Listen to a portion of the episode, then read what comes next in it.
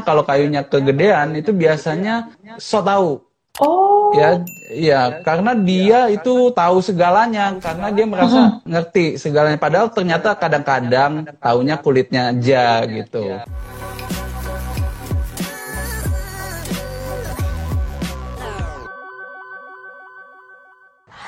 Hai, selamat sore sahabat Sonora hari Senin pukul 16 gitu ya. Pastinya adalah Sonora Feng Shui, Instagram Talk Feng Shui ini ya.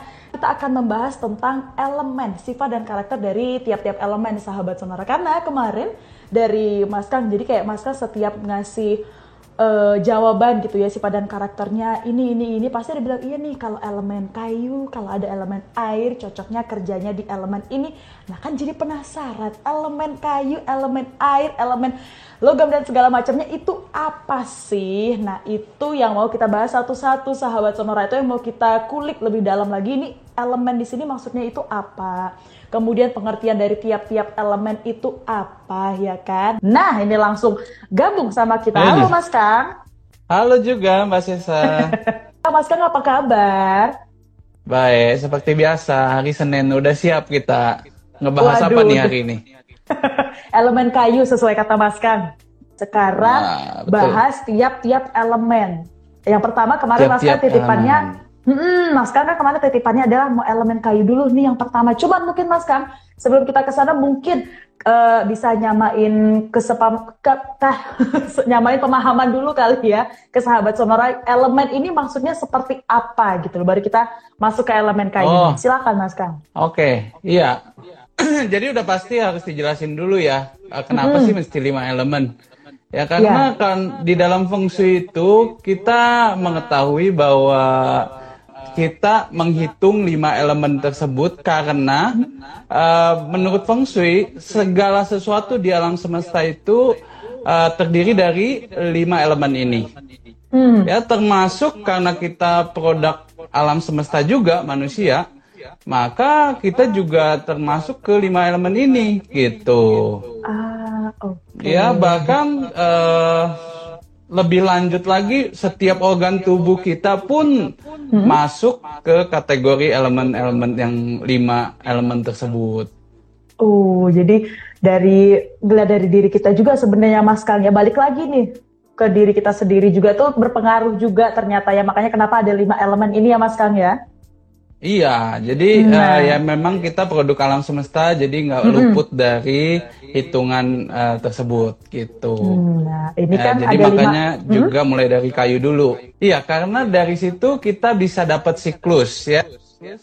Dari lima elemen ini kita uh, bisa membuat siklus. Kita bisa tahu uh, ada sifat-sifat uh, yang bisa kita lihat dari uh, interaksi elemen, lima elemen ini ya ada hmm. yang bisa menghidupkan elemen lain, ada yang mengekang oh. ataupun ada yang menghancurkan. Oh, saling keterkaitan nah, juga ternyata Mas Kang. Betul. Jadi uh, lima elemen ini saling uh, berkaitan ya, nggak bisa oh. dilihat satu, satu elemen aja. Oh, oh, oh. Oh, Dan juga nggak ada yang paling kuat atau paling hmm. lemah, itu nggak ada ya. Nah, tugasnya feng shui apa? Tugasnya feng shui itu supaya mencari keseimbangan antara lima elemen ini. Ah, nyari keseimbangan dari awal udah disebutin juga memang harus yang seimbang seimbang harus balance ya Mas Kang ya. Ya, kuncinya balance. Mungkin langsung aja nih Mas Kang. Nah, nggak boleh kelebihan, nggak boleh kekurangan, harus balance. Makanya kita harus mengenal lebih dalam juga ini elemen kayu elemen kayu ini jadi yang pertama. Apa sih hal pertama yang harus kita tahu sifat dan karakternya nih Mas dari elemen kayu ini seperti apa yeah. sih? Uh, elemen kayu itu identik dengan sifat uh, kepemimpinan. Ah, oke. Okay. Ya. Kenapa bisa kepemimpinan? Karena kayu itu sifatnya itu mengakar ya, akarnya itu kuat. Mm -hmm. Artinya punya prinsip yang kuat. Ya kalau pemimpin itu punya prinsip yang kuat, udah pasti nggak gampang dipengaruhi uh, oleh orang lain. Benar. Ya, jadi uh, selain sifat kepemimpinan, kayu juga adalah sifat mendidik ya. Orang yang punya uh, elemen kayu yang berkecukupan atau berlebih itu dia maunya itu selalu memberikan pelajaran untuk orang lain, ya, memberikan pendidikan bagi orang lain, ya. Begitu juga dengan uh, memimpin kan? Hampir sama sifatnya. Kita memimpin dengan cara mengarahkan dengan memberikan pengetahuan. Nah, itulah sifat kayu yang paling uh, kuat. Tadi Mas Kang sempat nge-mention ini kalau orang dengan punya uh, elemen kayu cukup atau lebih itu kok bisa dihitung lebih atau cukupnya itu gimana Mas Kang? Oke, karena uh, kita yang tadi saya bilang kalau lima elemen ini kan saling berinteraksi. Jadi kita uh -uh. bisa lihat apakah kayu ini berlebihan dibandingkan elemen lain atau tidak, gitu. Tapi Lihatnya kalau seimbang, ini? maka dia punya kemampuan yang uh, berkecukupan dan tidak ada uh, sisi negatif dari uh, unsur kayunya. Kalau berlebihan, pasti ada sisi positif, tapi sisi negatifnya itu berlebih. Oh, ini ngeliatnya dari mana Mas Kang? Lebih ya, atau jadi emang ada dua sisi, ya. Yes. Tidak ada hmm. yang paling bagus atau paling jelek, itu nggak ada. Yang kita mau cari itu supaya elemen kayu ini seimbang. Jadi sisi jeleknya itu kita bisa kontrol. Hmm. Ini dilihatnya dari tahun lahir juga? Betul, dari tanggal, bulan, jam, oh, tanggal, tahun, uh, seluruhnya oh. kita bisa hitung, uh, baru bisa uh, ada conclusionnya ada hmm. titik akhirnya oh ini orang berlebih kayunya gitu atau kurang. Ya kalau dilihat dari tahunnya aja itu kayak data nggak lengkap gitu mbak. Ah tapi kalau satu orang ini biasa punya berapa elemen mas kang belum tentu. Ada yang oh. benar-benar kekurangan sampai tidak ada sama sekali.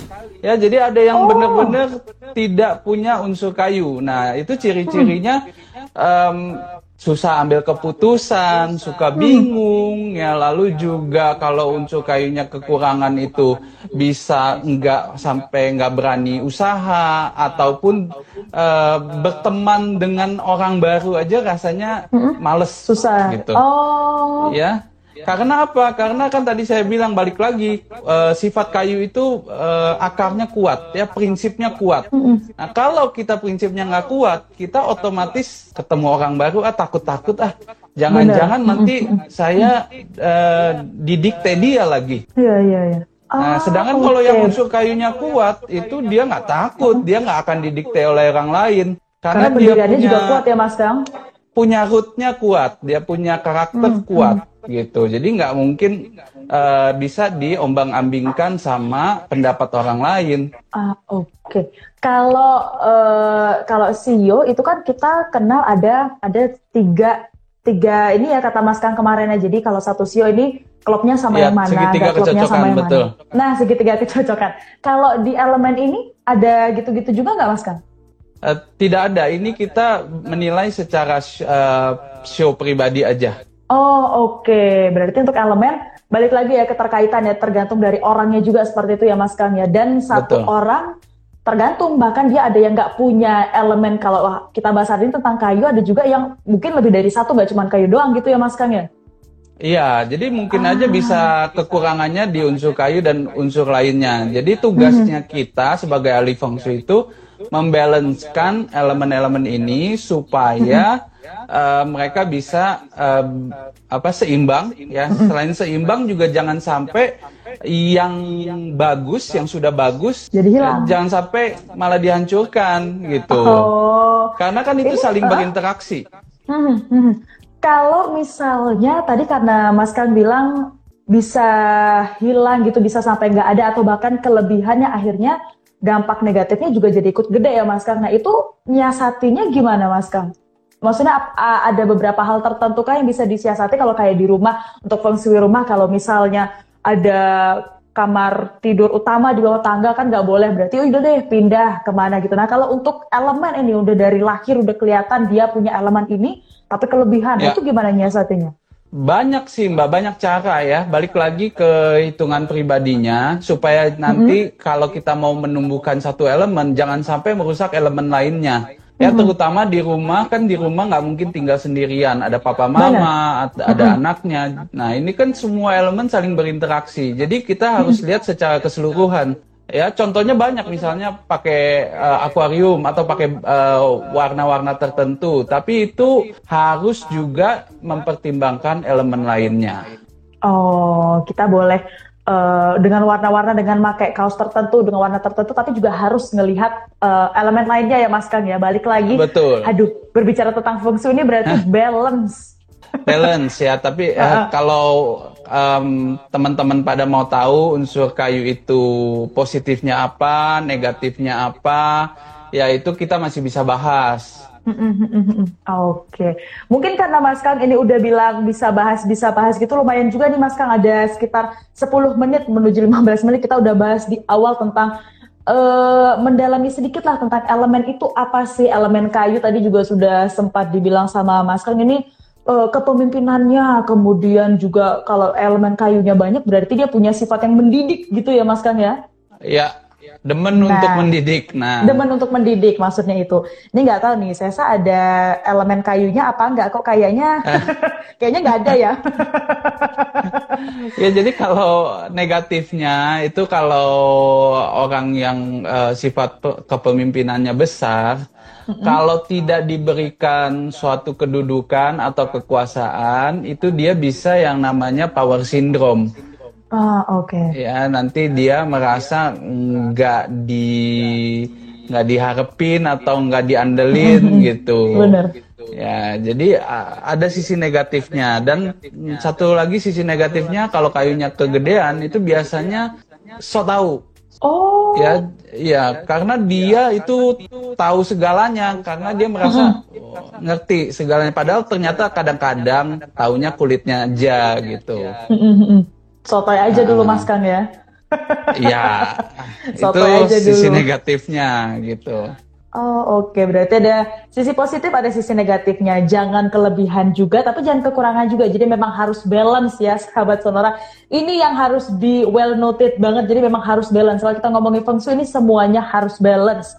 Makasih Mas Kan, ketemu lagi di minggu depan. Sama-sama, sama-sama. Um, tadi lupa dijelasin ya, karena dari apa kayu itu? itu pasti ada unsur yang mengikatnya, unsur yang mm -hmm. menghidupkannya ya. Jadi uh, setelah kayu seharusnya kita bahas unsur api. Unsur api ya. Kenapa unsur api? Ya nanti kita jelasin.